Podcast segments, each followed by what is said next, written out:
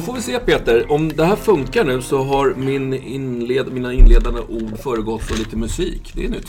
Nytt för idag. Ja, eh, vi är duktiga. Nej, men, eh, om folk såg också hur den här studion vi sitter i ser ut så skulle de ju garva alltså. Du borde faktiskt ta en bild. Vi sitter alltså i en jaktkoja ute i skogen i ett alldeles egenhändigt byggt tält som består av tre täcken över en torkställning för att det inte ska bli eko. Eh, Ja. Inte så proffsigt, men, men vi utger oss inte för våra proffs heller. Men vi lärde oss i alla fall en sak sist, att man ska ha en agenda. Och idag kommer vi prata om lite harjakt faktiskt. Och eh, sen så har vi lite funderingar eller lite erfarenheter kring vad man bör tänka på innan jakt. Besikta hunden före jakt, besikta hunden efter jakt. Peter har ett bra sätt hur man undviker skador helt och hållet, eller minskar risken för skador i alla fall. Och sen så har jag lite exempel på skador som faktiskt inte är helt lätta att se från utsidan, men som kan vara nog så allvarliga. Men vi börjar med eh, harjakten därför att du är ju sedan ett år tillbaks lite TV-kändis. Du kör en produktion med SVT som heter Jaktliv. Ni är igång och spelar in er andra säsong och du har varit uppe i Vilhelmina och jagat hare. Ja, det var skitkul. Alltså, mm, jaga i slutet på september i Västerbotten, det är, det är direkt vackert. Alltså, det är grymt häftigt att vandra i de där, på de där fjällsidorna och jaga. Men, och sen var det lite lattjo, för där uppe finns det ju bara skogshare, svenskhare. Um, ehm, här nere så är ju övervägande harjakt handlar om fälthare, tyskharen. Jag trodde att skogsharen hade ett annat sätt när den blev driven av en hund. Jag trodde den stannade i skogen och höll på att trixa där inne. Fälthararna väljer ju väg, de springer, kan ju springa väg i kilometer. Det är dubbleringar på vägar och avhopp från vägar och sådär. Det är eh, stora utmaningar för hundar. Men det visar sig att skogsharen i Västerbotten funkar likadant. Ja, det, det är väg alltså. Blir det tryck på haren, ehm, hunden har bra tryck, det är några vändor i skogen och sen är det ut på väg alltså.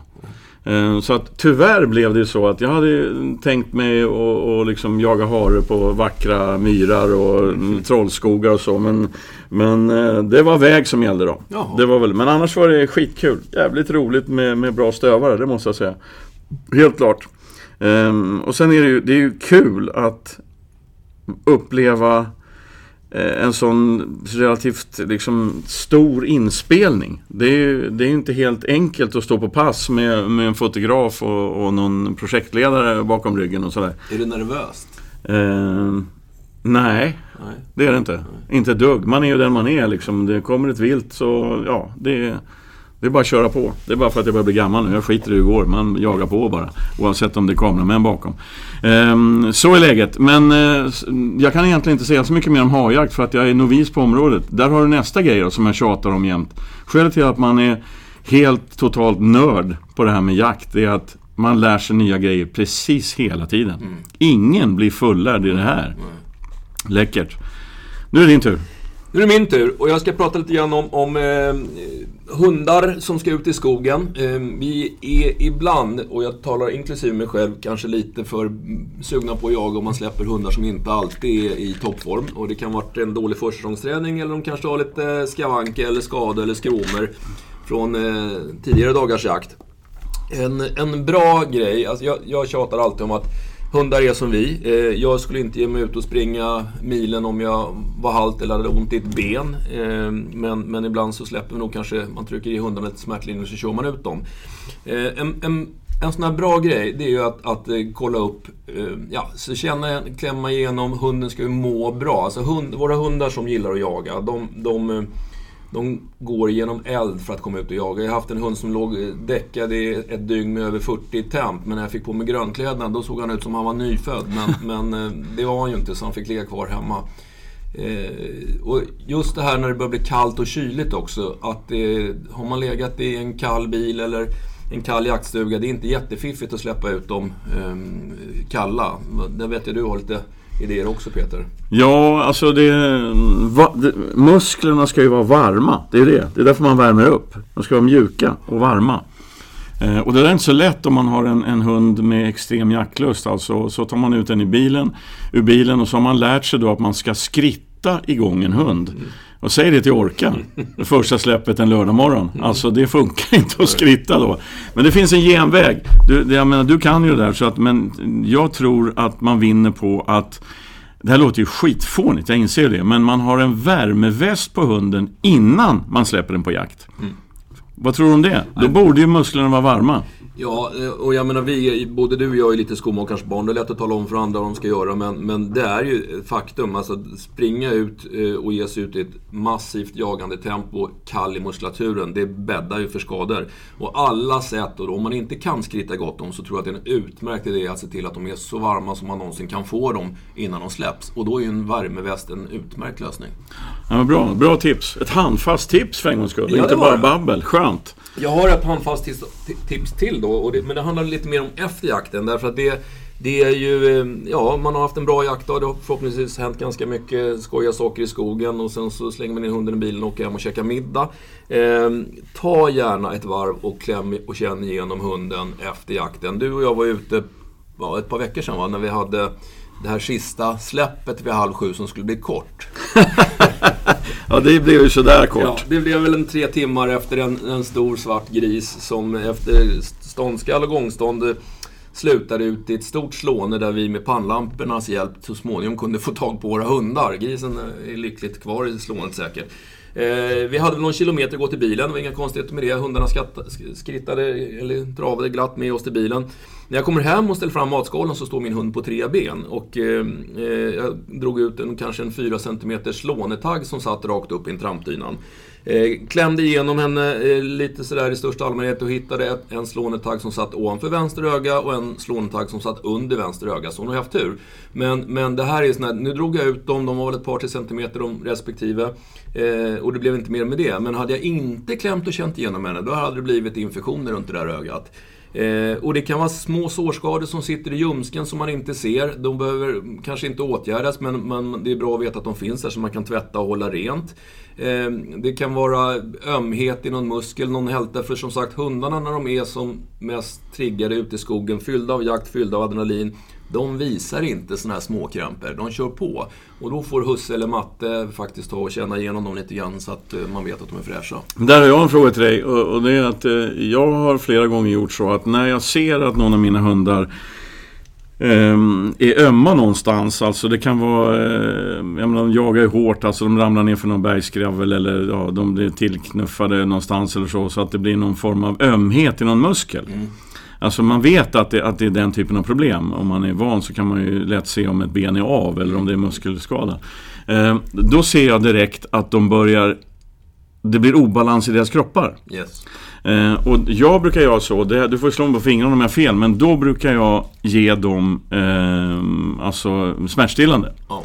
Av den enkla anledningen att jag tror att om en hund struttar runt, alltså man, man till och med släpper den på, på lite frisök och grejer, om den är öm i någon muskel, då kompenserar den den där smärtan med andra delar av kroppen. Och då är risken att den blir sned och då ökar skaderisken någon annanstans. Stämmer det eller?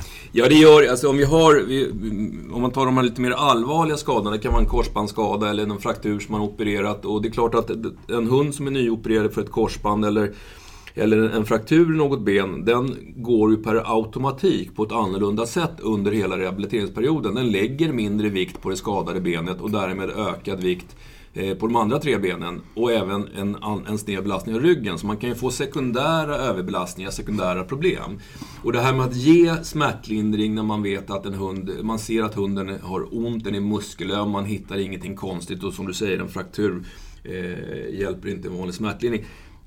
Ja, nu är jag ju veterinär, men, men jag gör ju så. Men det som är absolut viktigt är att man faktiskt vet att det här är någonting lindrigt. Därför att ger man smärtling och tycker att nu blev ju hunden frisk, eh, så är det ju inte säkert att den blev frisk. Man kan ju bara ha dolt symptomen.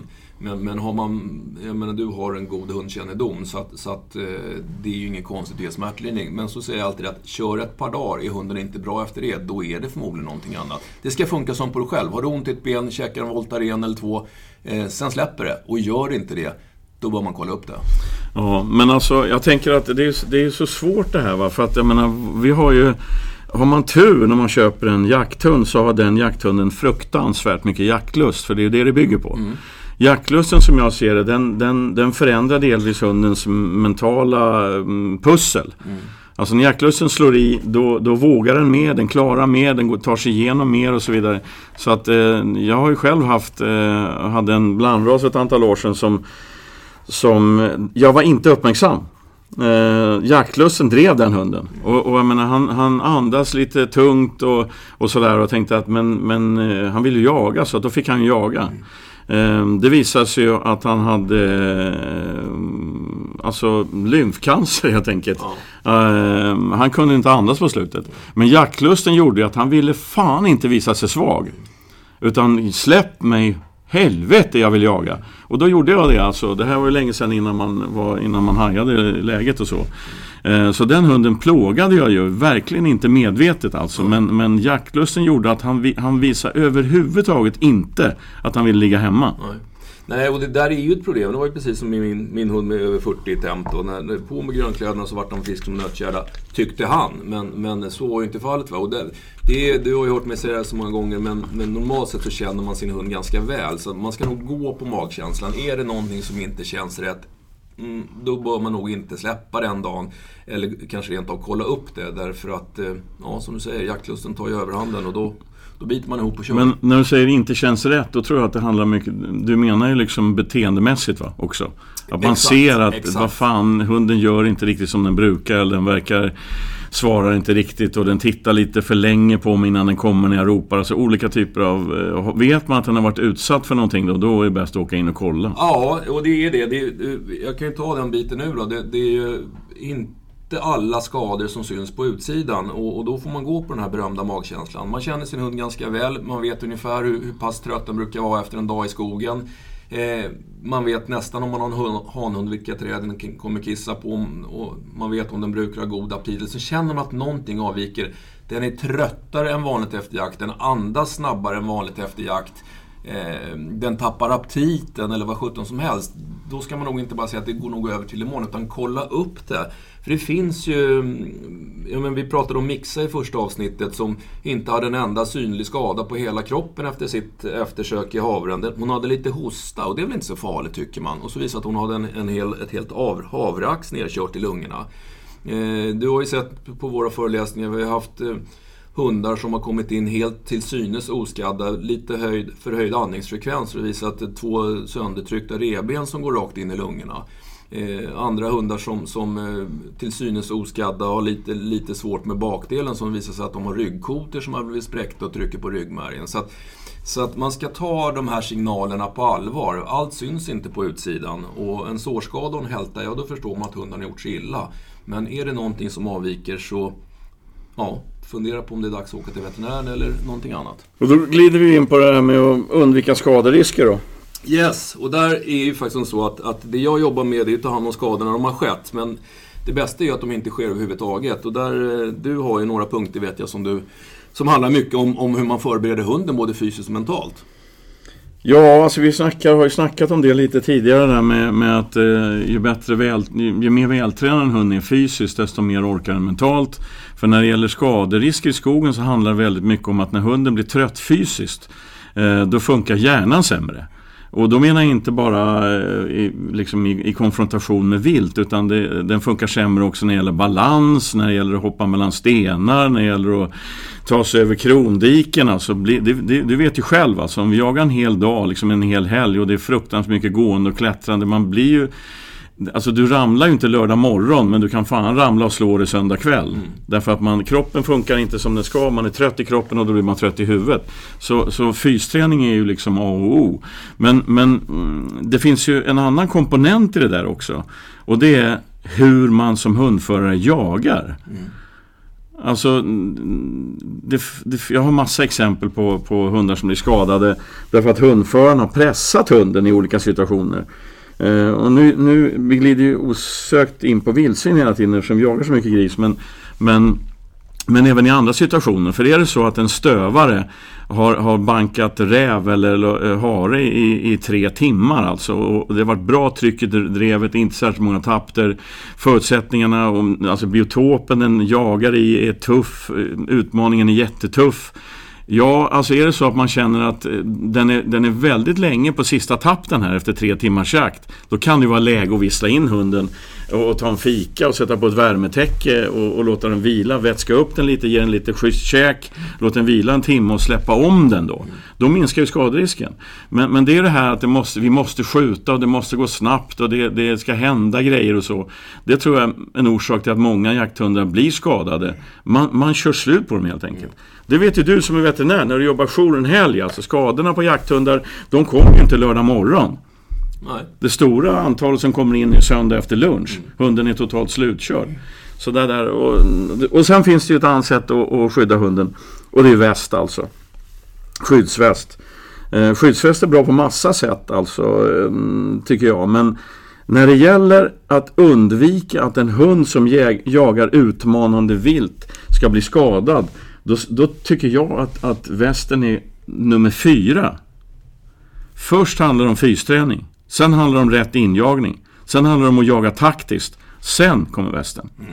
Därför jag har hittills inte hittat en enda väst som inte blir lite tyngre när den blir dyngsur, eh, som inte skaver när hunden blir trött. Och då, du vet, när hunden blir trött så springer den lite annorlunda. Mm. Och då kan skavsår komma och, och du vet, en, en väst kan hindra.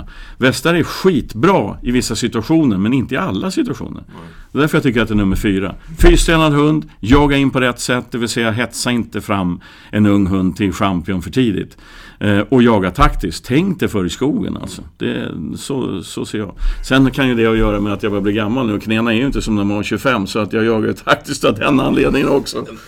Sen, men det är, det är mycket, det känns också som det där med väst. Eh, ja, du har ju ytterst sällan väst på, på din jämte. Eh, det är väl om det är någon påskjuten ilsken storgris då. Jag har ju väst på en av mina eh, hundar men inte på den andra därför att de jagar på lite olika sätt. Så det är väl rätt mycket en individfråga. Eh, och det här, vi har ju hundar som jagar bra ihop men många gånger kan hundar som jagar ihop trigga varandra till stordåd som de rikt, inte riktigt mäktar med och går lite för hårt. Ja visst, men, men ja, det handlar också om, om, din egen känsla. För känner du dig tryggare om hunden har väst, ja men då ska hunden ha väst. Ja. Ehm, du har ju, alltså den hund som du har som du jagar vildsvin med, det är en gråvaktel. Min bästa vildsvinshund är en jämthund som är tungt älgavlad. Alltså det är rena älgegenskaperna som gör henne så bra på vildsvin. Alltså hon skäller in sig, hon håller avstånd, hon går inte in hårt på grisen. Um, hon tänker när hon jagar som en spets ska göra. Det är inte den här in och slåss och trycka på. Gråhunden, min gråhund vet du, Udda. Den skulle man egentligen ha väst på för hon, hon ska ju på dem alltså. Hon spränger ju loss. Hur jävla många gånger har du stått med din gråvaktel på fast fint stånd och så hör min gråhund att din, din gråvaktel skäller. Då kommer hon och hoppar över dig, hoppar över gråvakteln och spränger bort grisarna. Så hon borde ju ha väst på sig. Så att det, det går inte att säga tycker jag om en hund ska ha väst eller inte på sig. Men däremot så tänker jag så här. Signalväst. För helvete, sätt på hunden en signalväst. Det ska alla jagande hundar ha. Så man ser dem. Jag menar, eh, spetsarna, de spetsar jag har, de är gråa. Och vi jagar i november. Allting är grått. Och så kommer en, en, hund som förföljer tyst. Var är hunden? Och, och, du vet allt det där. Så signalväst, fine. På med signalvästen. Förresten, eh, en sak som vi har pratat om lite grann, vi snackade om det senast på vägen hit, det är det här med, med hundar, hur de jobbar på slag, eller snarare bristen, eh, när det brister förmågan att jobba på slag. Ja, alltså jag tycker att eh, jag får... Jag jagar ju mycket om man träffar på hundar alltså som, som har svårt att hålla i slag. Alltså de har svårt att, mm, att reda ut slag om, om det är mm, fler vilt som har gått ihop och lite sånt där. Det där det där är ganska eftersatt, alltså för förr då, eller förr, men de som håller på med, med drivande hundar, alltså som verkligen kan det där, de lägger ganska mycket tid på att hunden självständigt ska lära sig att hålla fast i slag och reda ut slag. Det är ganska eftersatt i dagens moderna såthundsvärld alltså. Man snackar mycket om sök och man snackar mycket om drevtider och, och det där, men, men en hund som, en löshund som självständigt ska reda ut saker och ting i skogen måste också lära sig tålamodet att reda ut slag. Det vet ju stövarfolket och, och, och sådär va. Men, men när det gäller andra typer av hundar, framförallt det vi kallar för kortdrivare då. Eh, så lägger man inte särskilt mycket tid på det. Ja, det tycker jag är en sån här grej i hundens utbildning till färdig löshund.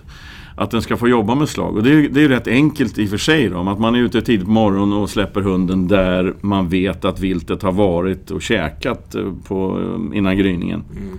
Så att hunden får reda ut det där. Ehm, det handlar ju också om spårsäkerhet, spårnoggrannhet. Så all form av spårträning och nosarbete är ju bra.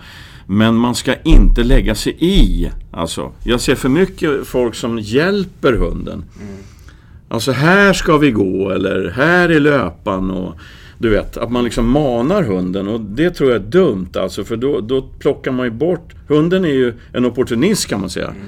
Den, den, gör ju, den letar ju efter enkla vägar fram till det som den vill göra, nämligen jaga, prakt, jaga aktivt, alltså följa ett slag eller stånda ett vilt. Ehm, så man ska inte lägga sig i. Men det finns ju, det finns ju tricks alltså. Har man en ung hund som har lite problem och släpper slagen för tidigt. Alltså, hur ska jag förklara det här då? Alltså, om en hund, man ser på pejlen att hunden har hittat slag. Det vill säga den, den börjar gå på ett visst sätt, alltså långsamt och ringa lite grann och så följer den så försvinner den långsamt 2, 3, 4 km i timmen. Då går den på slag. Mm. Och så plötsligt gör den någonting annat. Den tappar slaget alltså. Då kan man gå dit själv som hundförare. Men man ska inte prata med hunden och inte peka och inte mana hunden utan man bara ska gå dit. Bara med min blotta uppenbarelse så ger jag hunden stöd och ökar chansen att den kommer stanna kvar på tappen. Mm. Eh, tills den reder ut den. Mm. Då gör den ju det självständigt. Jag är ju där och stöttar men ändå inte om du förstår vad jag menar.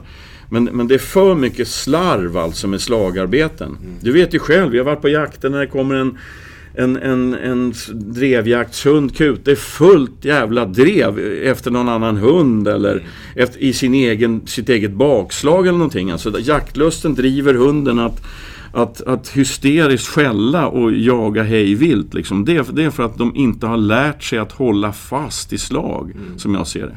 Jag tycker det är konstigt att man inte pratar mer om det, utan det är så mycket snack om det där med med prägling och, och stora sök och, och, allt det där. Va? Eh, men, men just slagarbetet är ju grunden på något sätt. Mm. För, för, att hunden ska kunna hitta viltet. Du vet ju våra spetsar, de som vi har som jagar ihop så bra. De håller på och nöter och nöter, inte tillsammans, var och en för sig håller ju på och nöter och nöter och nöter. Du ser ju på, på när, när Mixa har någonting så ser du ju det på pejlen. Alltså hon, hon, låser i någonting och där håller de på. Hon kan ju hålla på i 45 minuter och så plötsligt två och en halv kilometer bort mm. så är det upptag. Mm. Det är slagarbete. Men, men man ger inte hunden tillräckligt mycket tid helt enkelt att lära sig vad den faktiskt kan göra med sin näsa. Mm. Och det är ju ganska roligt när man jagar för, och just när man har pejl och kan följa. För till slut så lär man sig ju ganska väl att tyda spåren som man ser på pejlen. Hundens arbetssätt. Jag menar, det är väldigt många gånger som både du och jag har sagt att nu kommer vi snart höra skall. Så ja, fem visst. sekunder så hör man skall. För man ser att nu har hunden jobbat på ett visst sätt. Ja visst, men och ofta föregås ju det av slagarbete. Ja. Att, att de hittar en löpa som de följer och reder ut och så, så, så försvinner och så går de tillbaks och plockar upp igen. Då har, kanske de har följt en annan löpa en stund som har korsat den första löpan. Mm. Men, men vi har ju liksom jagat in dem på det sättet så att när de får slag då håller de kvar, i, kvar slaget tills de... Och det gäller alla hundar. Det är sån här gråhundsgrej. Liksom, gråhundar går alltid med låg nos och mm. bra spårhundar generellt. Men, men man ska inte hålla på att blanda in ras, ra, olika raser i det här. Mm. Alla hundar kan lära sig gå på slag och reda ut slag. Du, eh, lägg in en sån här snutt här nu, jag måste hämta kaffe.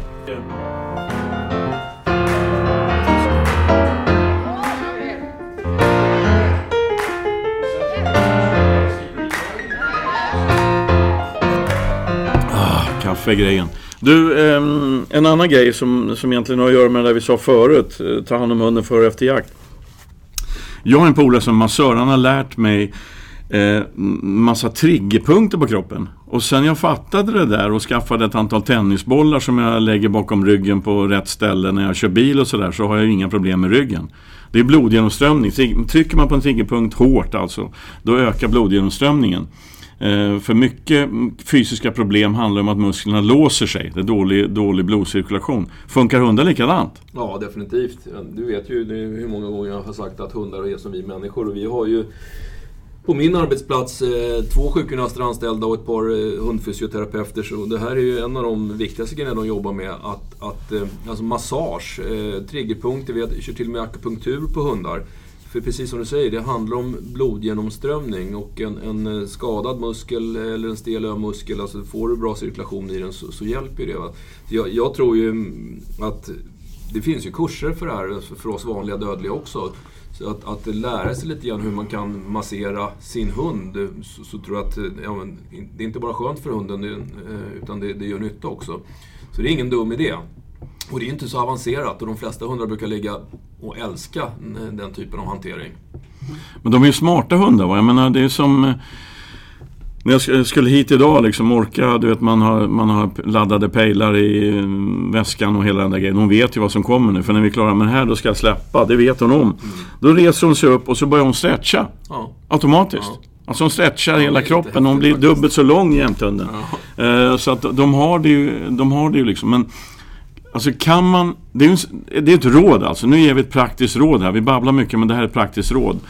Eh, det är smart om hundförare lär sig hur kroppen funkar. Yes. Alltså hur, hur en fysisk kropp funkar med det här med muskel och, och blodgenomströmningar och triggerpunkter och var masserar man och hur och åt vilket håll och man ska massera längs med fibrerna och inte tvärt emot och massa sådana där grejer.